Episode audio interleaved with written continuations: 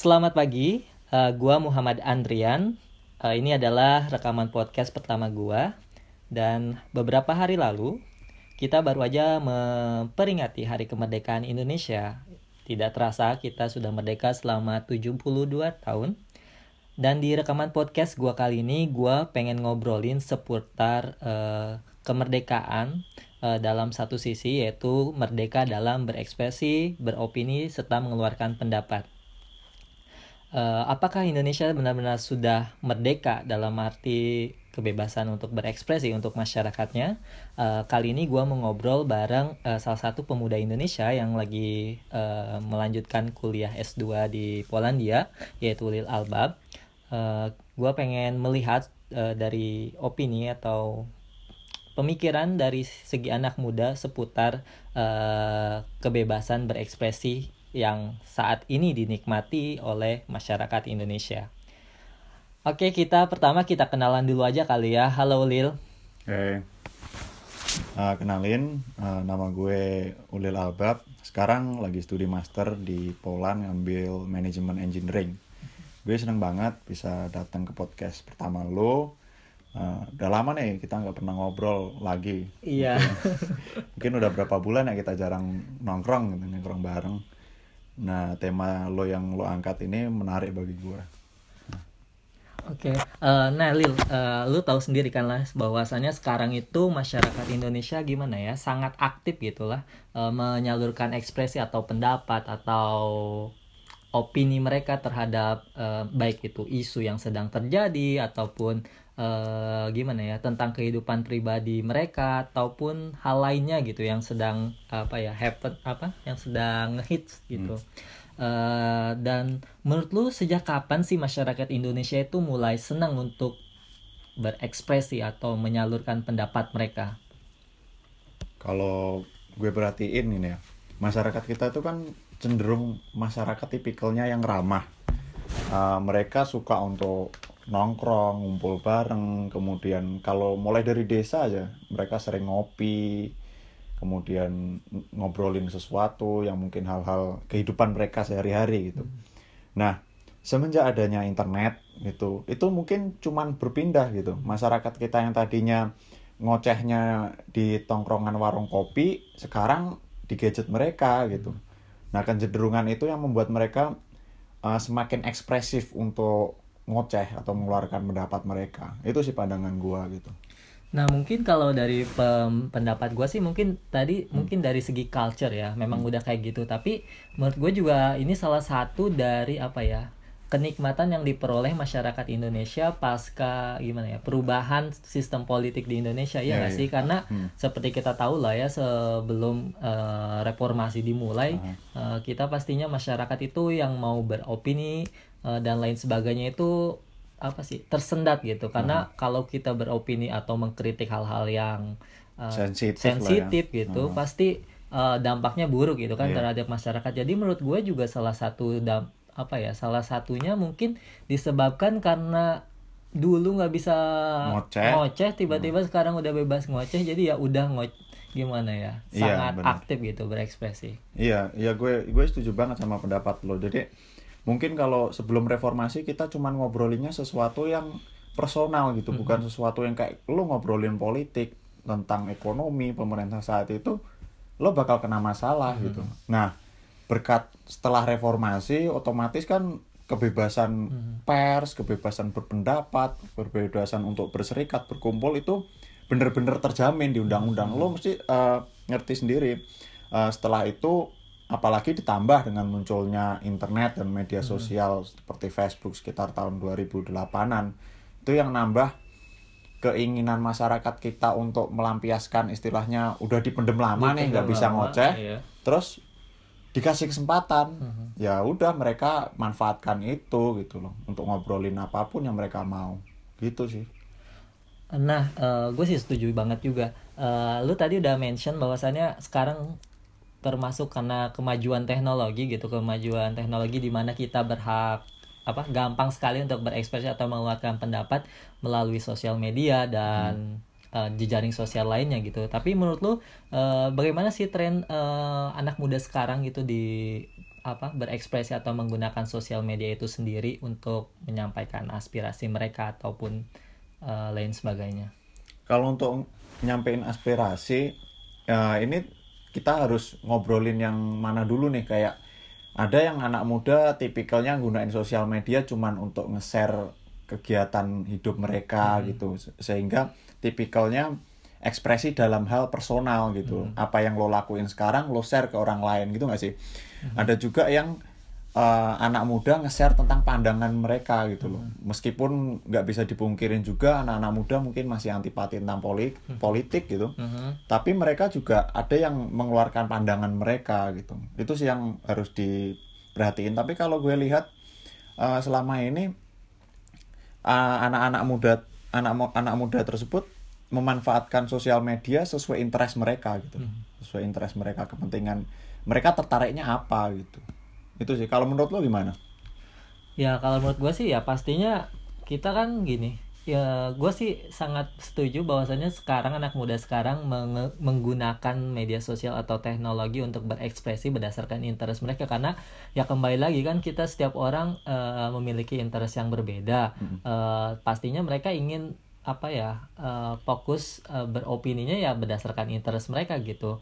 Uh, tapi uh, ya menurut gue itu bagus sih gimana. Intinya mereka uh, ada i, apa sih ya ada kepedulian gitu terhadap isu atau bidang yang mereka miliki tapi hmm. uh, gue sih sangat ini juga sih sangat apa sih risih terhadap orang-orang uh, yang sekarang memanfaat, memanfaatkan media sosial hanya untuk gimana ya uh, nge-share seputar mereka. hidup ya. mereka hmm. gitu padahal gimana ya itu kurang menarik gitu menurut lo gitu atau menurut lo kayak itu pamer gitu nggak sih menurut atau atau gimana ya nggak pamer sih. Maksudnya uh, menurut gua uh, sayang gitu loh. Uh, sekarang kan kita ibaratnya udah dengan mudah gitu untuk berekspresi dan hmm. lain sebagainya gitu untuk mengeluarkan pendapat gitu. Uh, jadi uh, tentu aja gitu itu hak setiap orang untuk men-share kehidupan personal mereka termasuk gue pun gitu hmm. menggunakan uh, kayak Instagram untuk nge-share momen-momen uh, apa ya perjalanan hidup gue gitu. Tapi di satu sisi lain menurut gue sayang gitu kalau ke penggunaan media sosial itu hanya untuk itu doang gitu. Tapi uh, kita juga bisa menggunakan ini untuk apa ya untuk hal-hal lain yang ibaratnya bisa menimbulkan dampak positif ya nggak sih? Ah, uh -huh. gue menarik nih poin lo ya kayak lo pasti pernah dengar beberapa sosial campaign kan mm -hmm. lewat media sosial mm -hmm. yang itu ya gerakin ya anak-anak muda juga mm -hmm. misalnya ada orang nih jualan kakek-kakek tua di jalan mm -hmm. gitu dia udah seharian dagangannya nggak laku mm -hmm. terus ada orang yang iseng moto cekrek gitu kan terus diupload viral nah dari situ banyak orang yang ngerasa kasihan nih datengin tuh jualan uh, akhirnya si kakek-kakek tadi dapet dong orderan ataupun jualannya laku. Nah, hmm. itu itu sisi-sisi positif media sosial hmm. bagi pandangan gua gitu. Hmm. Kita nggak melulu uh, ngobrolin soal diri kita, kemudian apa yang kita lakuin, tapi bisa memberikan dampak ke orang lain gitu. Hmm. Sosial campaign itu sangat efektif, apalagi kalau misalnya ngelakuin public influencer gitu. Hmm. Itu yang punya dampak luas ke masyarakat gitu. Iya menarik uh, dan uh, lo oke okay, gue sekarang pengen coba ngambil salah satu kasus ya hmm. misalkan uh, terkait kebebasan berekspresi kayak contohnya ya kemarin yang paling uh, panas panas menurut gue ya yang paling menyedot perhatian uh, banyak masyarakat Indonesia yaitu terkait kasus apa kasus gubernur DKI Jakarta gitu yang hmm. pastinya Bapak Ahok uh, terkait uh, apa penistaan agama gitu yeah. kan ya kan itu di sosial media rame banget hmm. gitu kan sampai-sampai gue sampai males sih ngecek hmm. media sosial karena uh, penuh dengan cacian kebencian antara pro dan kontra gitu kan waktu peristiwa itu lo buka Facebook lama atau lo tutup gue waktu itu ya gue apa ya buka buka Facebook atau nah. jejaring sosial gue gitu tapi ya tadi gue melihat uh, apa ya teman-teman di media sosial itu gimana ya menurut gue terlalu berlebihan gitu menyikapinya sampai-sampai mereka sikut sana sikut hmm. sini gimana ya nyerang sana nyerang sini gitu padahal di kadang yang temenan nongkrong deket bisa jauh temen gitu, kan. nongkrongan deket itu jadi jauh cuman gara-gara beda pendapat hmm. dalam di media sosial kayak gitu gitu jadi uh, menurut gua gimana apa ya gua menurut gua eh, masyarakat Indonesia masih gimana Belum ya? dewasa. belum dewasa dalam eh, berekspresi di media sosial. Dan menurut lu gimana sih? Bagaimana sih sebenarnya kita harus bersikap atau mungkin opini lu terhadap kasus eh, gubernur DKI Jakarta tadi? Kalau pandangan gua ya uh, sebagai generasi muda gitu kalau kita gunain media sosial kita itu punya sikap boleh. Misalnya lo pilihan lo A gua B itu nggak masalah gitu. Tapi lo tetap teman gua gitu itu perbedaan pandangan pemikiran itu nggak bisa dipungkirin dong. Nggak mungkin dong lo nyuruh orang sama semua pemikiran sama lo ataupun gue maksa lo buat samaan sama gue gitu. Nah itu sesuatu yang nggak bisa dihindarin cuman kita mesti bersikap ya udah kalau batasannya cuman sampai itu itu aja gitu loh. Dalam artian lo nggak boleh nyampurin urusan yang lo nggak bisa maksain gitu tapi kalau urusan yang lain tentang hubungan personal kita kemudian interaksi kemasyarakatan tetap dong kita harus hargain tetap dong kita temenan gitu harusnya. Pandangan gue sih. Kalau menurut lo nyikapin kayak gini gimana baiknya gitu? Apalagi kan lo perhatiin deh eh, masyarakat kita tuh seperti terpecah gitu loh. Ada yang di kiri lah ada yang di kanan gitu. Itu gimana? Ya, gini sih kalau di dari segi pendapat gue ya, sebenarnya kita kan berhak lah mendukung posisi mana pun gitu. Intinya itu hak kan hak setiap orang gitu kan. Eh, kalian mau berpendapat eh, seperti apa pun ya silahkan gitu, boleh gitu. Tapi ya kembali lagi gitu, kita juga harus eh, apa ya dalam beropini atau ber eh, mengeluarkan pendapat kita terhadap isu tertentu ya kita juga harus tetap mematuhi dong kaidah-kaidah eh, Etika lah ya. etika lah, etika yang kita harus paham etika juga gitu. Maksudnya eh, kayak kemarin gitu, contoh dalam kasus itu ya, gue baca di media sosial itu banyak banget kata kafir, kafir gitu kan. Eh, dan ironis sih gitu. Padahal ibaratnya kita itu orang eh, Indonesia udah di- diajarkan untuk bertoleransi sejauh ja- selama mungkin gitu kan. Dan kayaknya aduh itu saudara kita juga gitu masyarakat Indonesia. Tapi pada bilang ini kafir lah ini siapa yang ngekafirin siapa gitu kan. Ya gue ironis sih gitu. Padahal ya salah satu norma yang kita anut adalah untuk menghormati satu sama lain gitu. Intinya eh, seberbeda apa pun eh, pendapat lo terhadap kasus itu entah lo dukung eh, Ahok bersalah atau lo apa men- mendukung bahwasannya Ahok tidak bersalah itu sah-sah saja. Tapi eh, ya kita beropini atau mengeluarkan pendapatnya ya harus gimana ya? Proporsional lah ya. Se- seproporsional mungkin dan eh, ya no apa ya at- jangan menggunakan kata-kata yang ibaratnya bisa menyuluti gitu gimana ya menjadi potensi untuk timbulnya konflik gitu. Karena eh, menurut gue ya nggak bagus sih. Pada akhirnya eh, itu bisa menimbulkan apa ya memecah belah kondisi Indonesia. Tapi kalau menurut pandangan lu sendiri nih, kan itu munculnya uh, kasus kayak gitu itu kan karena ada sebabnya nih. Lah menurut lo sebab yang dia lakuin itu gimana gitu?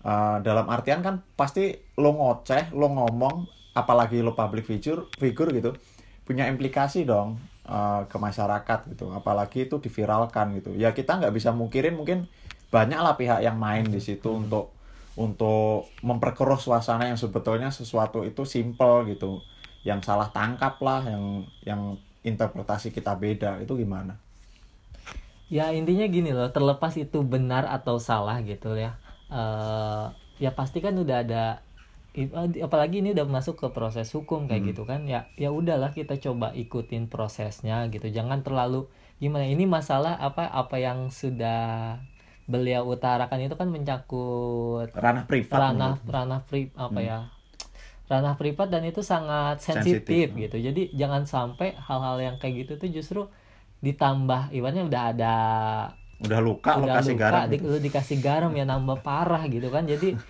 ya gimana ya Eh, ya harusnya tadi kita merdeka untuk berekspresi dan lain sebagainya ya tapi ya kita juga harus tahu eh, batasan-batasannya gitu sih batasannya maksud gue.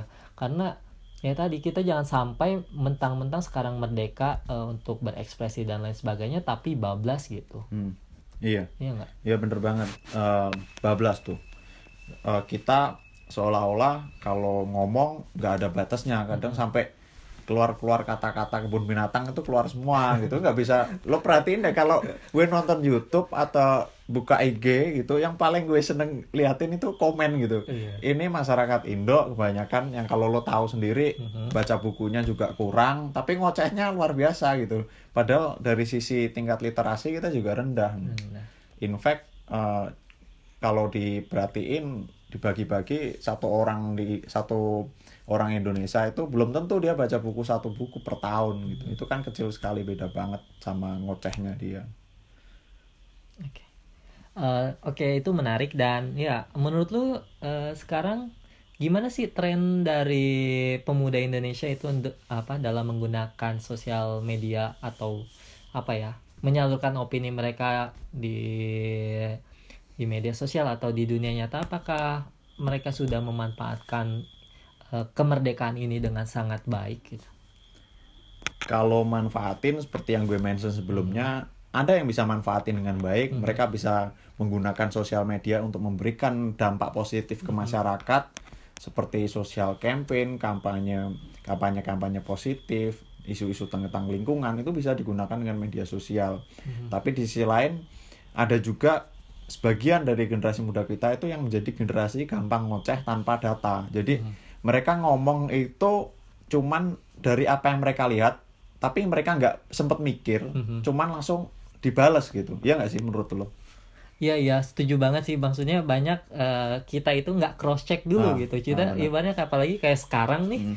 Eh, lu tau kan eh, di media sosial sekarang banyak banget tuh na- apa share share informasi Iya. dari link-link dan sebenarnya setelah gua cross check kayak ya beberapa contoh gua cek ya ibaratnya itu websitenya itu nggak jelas gitu Hmm. loh tapi ya dan gue baca ya dari beritanya itu banyak kan subjektif banget gitu dan itu sih dan menurut gua itu penting jadi maksudnya apa ya minat baca dulu deh maksudnya Iya. cross check data sebelum kita beropini atau mengeluarkan pendapat itu penting banget Iya. dan eh, ya menurut gua kurang sih masyarakat ini kita tuh cuma lihat eh, sekilas terus langsung wah komen ngambil kesimpulan terus komen gitu komennya dan komennya nggak nanggung nanggung ya Iya. tadi kayak eh, berbagai nama di kebun binatang keluar Iya. semua kayak gitu kan Oke. ya kayak gitu sih jadi ya paling pen- menurut gue penting banget itu untuk cross check data baca dulu sumbernya dari mana terus jangan lupa juga maksudnya jangan lihat cuma dari sudut pandang atau Nah, dari satu sumber lah satu ya. sumber kita Iya. harus lihat juga cross check dari beberapa sumber lain karena eh, di era sekarang itu di era kemajuan teknologi sekarang eh, kita sangat apa ya sangat diperlukan untuk cross check data tadi karena eh, banyak dari media-media tertentu itu sudut pandangnya itu sangat subjektif gitu kan dan kita juga kan pastinya nggak mau dong cuma apa ya terpengaruhi oleh dari yang mereka agendakan kayak gitu. Jadi kita harus pintar-pintar kita sih menyerap informasi, eh, melihat dari sumber. Jadi ah, tadi jangan lihat dari cuma dari satu satu sumber sehingga nanti kita juga bisa me- berpendapat atau mengeluarkan opini kita ya secara objektif kayak gitu. berarti lebih gampangnya lo baca informasi itu kalau ada yang dari A dari B C D lo baca semua Mhm. habis itu lo serap informasi itu lo olah kan lo pikirin Nah, dulu nih iya. ini mana sih yang kayaknya bener sama yang seolah-olah dibuat bener nih Mhm. nah baru kita ambil sikap setelah itu gitu menurut gue sih kayak gitu, gitu. Ya, gue juga setuju banget sih kayak gitu. Dan ya, eh, dan ter- terkait tadi eh, apa banyak pemuda Indonesia yang ya pastinya sudah memanfaatkan kemerdekaan ini gitu kan dengan mengeluarkan berbagai eh, pendapat atau opini di media sosial maupun di dunia nyata. Dan salah satu hal yang menarik buat gua adalah ketika banyak pemuda kita gitu, gimana ya, pemuda atau masyarakat kita itu aktif di media sosial tapi pada di kehidupan nyata tuh mereka lebih banyak menjadi pendengar atau pemantau gitu. Hmm. Menurut lu gimana dengan fenomena ini? Nah, lo, lo maksudnya kan kayak orang gampang ngomong di Mhm. media sosial, Iya, mereka gampang komen, gampang memberikan ah sampai buat tulisan yang panjang sekali yang Mhm. bacanya mungkin melelahkan, tapi waktu ketemu di dunia nyata tuh kayak jiper gitu loh. Mhm. Kadang mereka milih diem aja kayak gitu. Ah. Nah, menurut gue ini kayak apa ya istilahnya ambigu gitu loh. Mereka punya kepribadian ganda dalam da- tanda kutip. Mereka berani ngomong di sosial media. Soalnya gini, sosial media itu memberikan kesempatan lo untuk ngomong di mana pun, Mhm. kapan pun, tanpa lo mesti tahu siapa yang di depan Di lo depan gitu. lo gitu. Lo bisa ngomong tanpa batas gitu. Beda kalau kita ada ketemuan gitu. At Mhm. least kan lo kayak merasa segan lah. Pendapat lo juga di depan orang lain itu diperhatiin betul Mhm. gitu. Kalau lo nggak punya data yang basis data yang kuat, lo bakal dipertanyakan kan kredibilitas lo. Kalau di media sosial lo buat akun anon gitu, lo bisa ngoceh gitu. Kalau pandangan lo sendiri gimana? Eh, kalau menurut gue sih, gue gue lucu sih ngelihat ngelihat fenomena itu karena kenapa ya? Eh ya kita ibaratnya sekarang di mau di dunia sosial atau di dunia nyata kebebasan kita untuk berekspresi itu sama gitu, Iya. nggak sih? Hmm. Mau sebenarnya eh, media sosial itu hanya apa sih? Media dunia, alat. dunia nyata yang sebenarnya di di di online kan gitu Hmm, iya nggak sih iya. seharusnya kita mau di media sosial atau di dunia nyata harusnya memiliki kepribadian yang sama gitu Hmm. kalau lu senang eh, mengeluarkan opini di media sosial harusnya lu di dunia nyata pun harus bisa eh, melakukan itu gitu Iya. tapi dan yang menarik buat gua dan gua pikir di situ ada masalah deh masalahnya adalah gua nggak tahu mungkin apakah mereka sulit untuk eh, melakukan komunikasi di secara nyata gitu ketemu face to face dengan orang lain atau juga karena memang dia merasa lebih wa- punya waktu untuk berpikir ketika beropini di media sosial. Ya tapi menurut gue harusnya ya seharusnya ya seba- sebaiknya adalah harus balance sih gitu Mhm. karena ya tadi gue bilang bahwasannya media sosial itu sebenarnya ya kehit sekarang ya sekarang itu hampir ya bisa dibilang kehidupan nyata cuman bedanya di online kan gitu Bener banget tuh. Eh, apalagi kalau lo ngobrol di dunia nyata kan at least lo harus punya kemampuan kayak interpersonal skill gitu nggak Nah, sih? iya. Lo ngobrol ke orang gitu gimana caranya lo ngomong tapi didengar gitu. Mm-hmm. Nah kalau media sosial tuh nggak perlu kayak gitu. Asal lo punya medianya, Mm-hmm. lo tulis, lo upload, ya orang bisa tahu gitu. Itu as simple as that gitu. Nah mungkin itu yang membuat orang itu lebih mudah atau lebih prefer untuk menggunakan sosial media untuk berekspresi.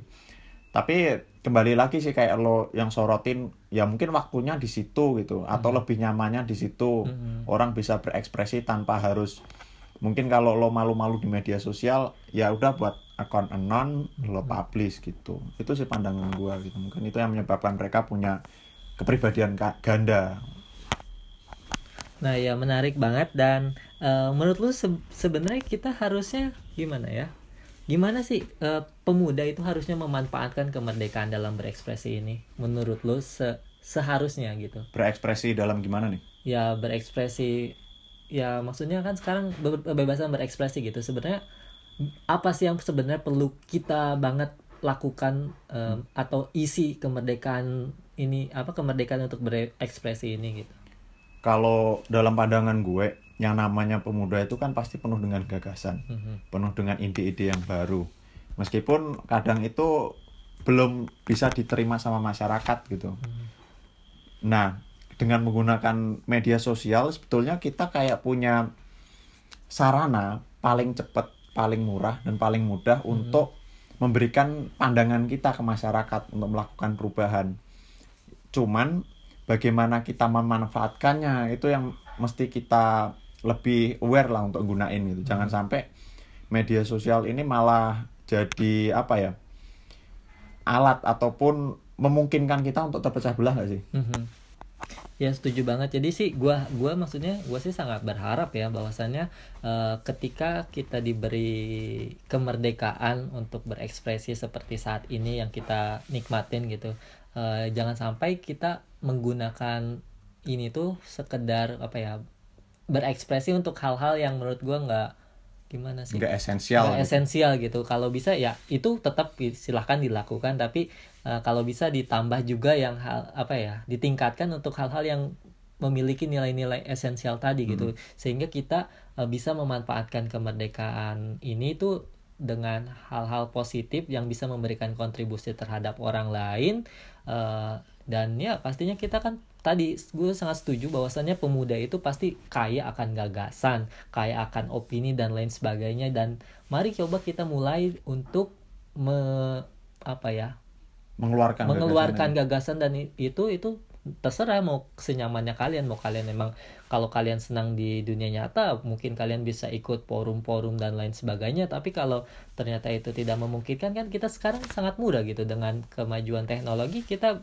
uh, bisa mengeluarkan opini atau lain sebagainya di du, di media sosial gitu hmm. uh, dan bisa aja mungkin kalau hal itu ternyata booming kita kan nggak pernah tahu viral yeah. kayak gitu kayak yeah. contohnya misalkan untuk kasus siapa ya Api ya hmm. nah kontos, contohnya kasus Api gitu dia uh, menulis di media sosial tanpa disangka-sangka kan ternyata gagasannya itu uh, menjadi viral gitu menjadi meskipun ada isu di belakang perhatian itu. masyarakat gitu meskipun hmm. di itu terlepas apa ada isu di belakangnya hmm. itu uh, silahkan apa ya itu urusan lain gitu hmm. yang gua ingin soroti adalah bahwasannya memungkinkan memungkinkan lah. untuk uh, opini kita tuh didengar secara luas gitu bener banget ya. tuh bener banget jadi kalau kita punya ide hmm lo keluarin siapa tahu uh, responnya kita nggak pernah tahu hmm kalau positif maka itu bisa hmm ada perubahan gitu apalagi kalau ide-ide lo itu ide-ide yang apa ya um, revolusioner, gitu uh, baru gagasan lo nah dari itu bisa lo florin habis itu kalau responnya positif bisa deh kita mm-hmm. eksekusi itu sih um, nah. manfaat media sosial pandang gue nah iya dan sekarang mungkin uh, gue pengen dengar untuk apa kata-kata penutup dari hmm. lo gitu apa ya harapan lo terhadap pemuda khususnya untuk uh, dalam kemerdekaan mengisi kemerdekaan dalam saat ini khususnya di bidang apa kebebasan untuk berekspresi. Uh, kalau menurut gua generasi muda le mesti lebih banyak baca. Mereka tingkat literasinya harus ditingkatkan agar kalau mereka banyak baca itu banyak referensi. Jadi ketika mereka menerima satu pendapat nggak serta merta mereka menolak atau menyetujuinya. Uh, mereka melalui proses berpikir gitu. Mereka mikirin dulu habis itu mereka bisa ngambil sikap oh ini kayaknya bener deh gue harus ikutin ini. Oh ini kayaknya kurang tepat gitu.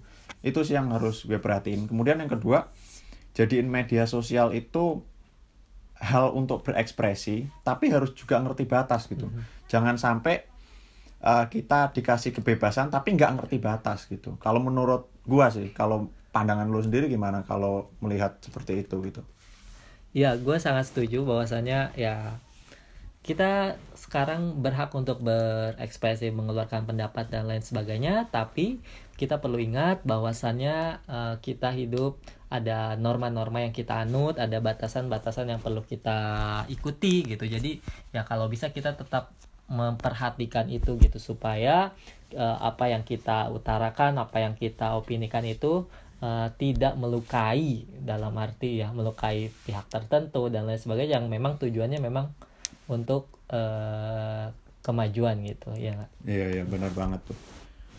Uh, bener banget ya apa yang lo katain. Kita mesti ngerti. Ibaratnya kalau ada quote nih quote terakhir gue uh, kebebasan itu ketika lo ngerti tentang batas tuh mm -hmm. lo nggak bisa ngerti apa itu bebas kalau lo nggak ngerti batas. Gitu sih Oke, okay, thank you banget Ulil buat waktunya kali ini uh, dan uh, buat kalian kalau ya itu tadi uh, obrolan gua sama Ulil mengenai merdeka dalam berekspresi dalam rangka memperingati Hari Kemerdekaan Indonesia yang ke-72. Uh, quote yang terakhir tadi gua sangat suka bahwasannya uh, kita boleh bebas. Kita boleh bebas tapi juga ngerti batas. Ngerti batas itu. Dan buat kalian yang ingin uh, kenal Ulil, bisa follow Instagramnya atau Facebooknya di ulilalbab.id. Ya, ulilalbab.id. Dan jangan lupa juga untuk follow Instagram gua atau Facebook uh, di Muhammad underscore Andrian. Uh, dan jumpa lagi di podcast selanjutnya. Uh, sampai jumpa dan dadah. Pak Sampai jumpa udah sampai situ.